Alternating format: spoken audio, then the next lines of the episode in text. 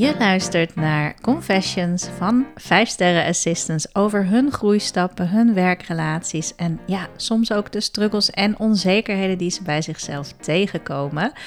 Ik vertel anoniem wat tijdens trainingen en coaching door mij met assistants is opgevallen, wat openbaringen zijn, wat waardevolle lessen zijn. Een plek waar dit in alle openheid en eerlijkheid besproken kan worden. Hey, leuk weer dat je luistert. Ik heb weer een bekentenis over een managementondersteuner. Ja, en dit is echt wel een bekentenis vanuit mij. Dus ehm, heel anoniem. maar ik vind hem toch wel belangrijk om te delen. En ook wel omdat in deze bekentenis zit een stuk waar ik zelf ook jarenlang mee heb geworsteld. En wat me niks opleverde, behalve strijd. En nu zag ik dat gebeuren tijdens een training laatst aan een uh, grote groep managementondersteuners uh, in een uh, overheidsorganisatie. ja, het was echt een heel gave dag met ja, een super, super interessant onderwerp. Co-management, daar ging het over. Ja, hoe je meer vanuit gelijkwaardigheid kunt ondersteunen. Dus meer context begrijpt van het management, beleid voeren, personeelsbeleid. En dat je de bigger picture, ook het, de visie, de missie van de organisatie, dat je daar je mee verbindt en ook voelt dat je die juist elke dag draagt in je werk.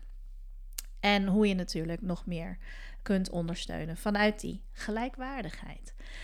Nou, super interessant onderwerp natuurlijk. Maar de term gelijkwaardigheid riep bij deelnemers dus verschillende associaties op. En um, er kwam al snel een stuk van ja, maar we worden niet als gelijkwaardig erkend.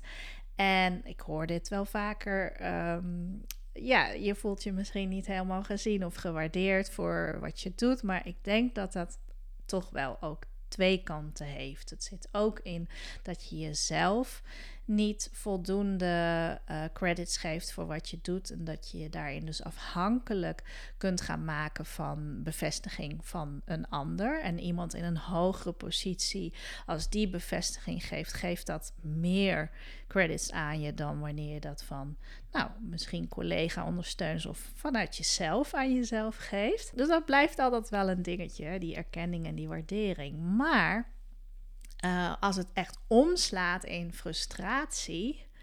En het gaat echt om geldelijke beloning. En daar, dat kun je maar niet verkroppen dat je ja, een ander loon hebt dan jij vindt dat je uh, verdient. Nou, dan wordt het wel een uh, lastige strijd. Dus dat was wat er bij een van de deelnemers gebeurde. De enige die daar iets in kan gaan veranderen, dat ben je zelf. Dat blijft gewoon wel mijn uitgangspunt. Hè? En natuurlijk kan ik naar je luisteren en kan ik meekijken. En nou, heb ik ook zeker wel gedaan bij deze persoon. Maar wat me wel opviel was dat, um, ja, dat zij eigenlijk zo erin bleef hangen dat het een geldelijke beloning moet zijn.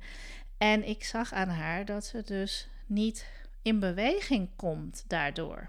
dus zolang niet het salaris omhoog gaat, wat overigens helemaal niet alleen maar bij haar speelt, maar dat speelt dus in die organisatie breed. Er staat een bepaalde schaal voor de functie en die schaal is gewoon lager dan, ja, dan dat uh, de meeste managementondersteuners vinden dat het waard is. Dus zij was daar ook niet de enige in, alleen zij bleef er zo een, een strijdpunt. Hè. Zij maakte er echt een strijdpunt van. In de zin van, ja, zolang ik niet betaald word naar behoren, um, ja, hoef ik eigenlijk ook niet echt in beweging te komen.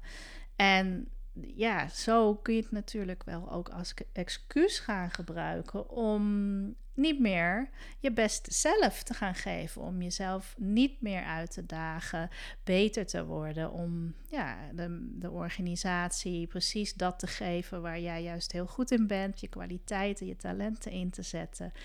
En dat, ja, dat is natuurlijk, dat, dan ga je jezelf juist ook rol bevestigen. Hè? Je gaat dan juist bevestigen ook naar uh, de, het management dat je dat salaris dus niet waard bent. Het werkt andersom, juist.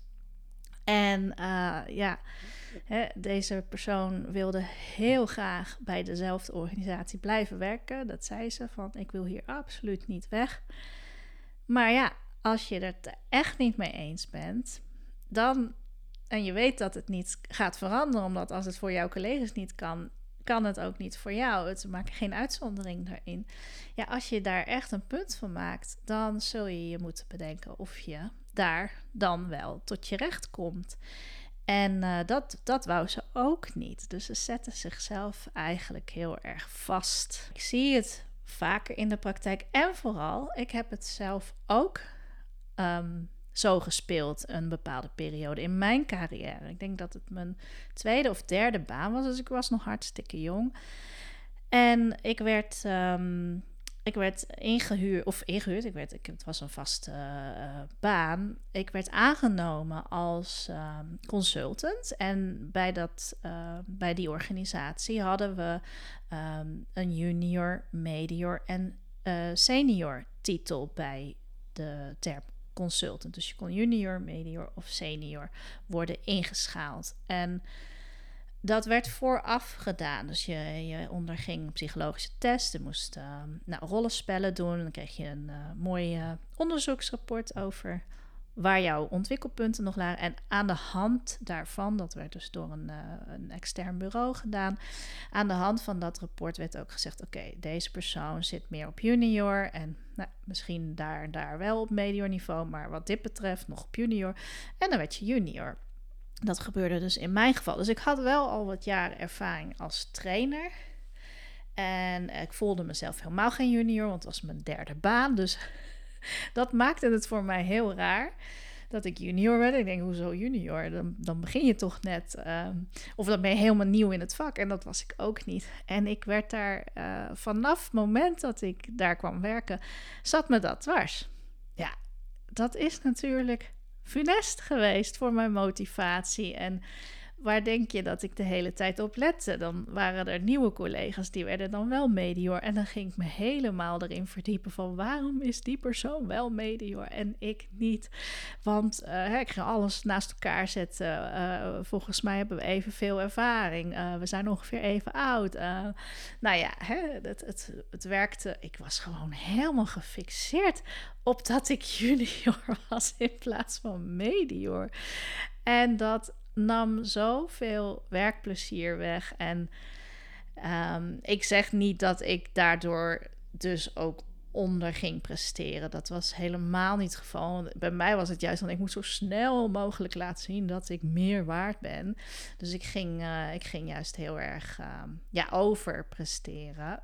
Uh, maar hoe dan ook, uit frustratie. Dus ik was niet mezelf, ik was niet het was niet vrij. Het was gewoon geen prettige manier om ja, bij een organisatie te gaan werken. Om jezelf steeds te vergelijken met anderen. En te kijken van waarom is die dan senior? En oh, kijk, die doet als senior dit. Nou, dat zou ik met mijn junior titel nou nooit doen. Nee, dit is gewoon dikke vette onzin natuurlijk. Maar in, ja, ik was toen jong.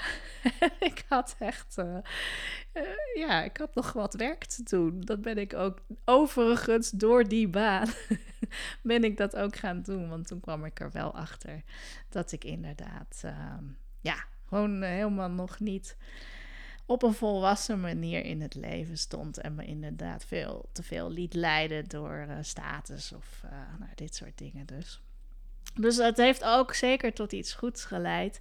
Maar um, ja, ik moest er dus ook aan denken bij uh, het ontmoeten van deze deelnemer. Dat, dat je dan voor al de valkuil van, nou ja, zolang ze me niet naar behoren betalen, ja, weet je, moeten ze ook niet zoveel van me verwachten. Waardoor je natuurlijk heel die cirkel um, zelf in stand houdt. En ironisch is natuurlijk, je hebt er zelf gewoon ja op gezegd. Dat was in mijn geval ook. Ik werd junior en ik dacht, huh, maar dat past eigenlijk niet. Maar ik ging het wel doen.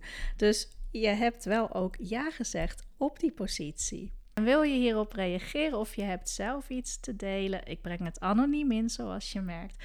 Dus uh, mail me vooral op maaike.corion.eu of gewoon om te zeggen: ik luister naar je en nou, om iets van je te horen. Lijkt me hartstikke leuk. Tot de volgende!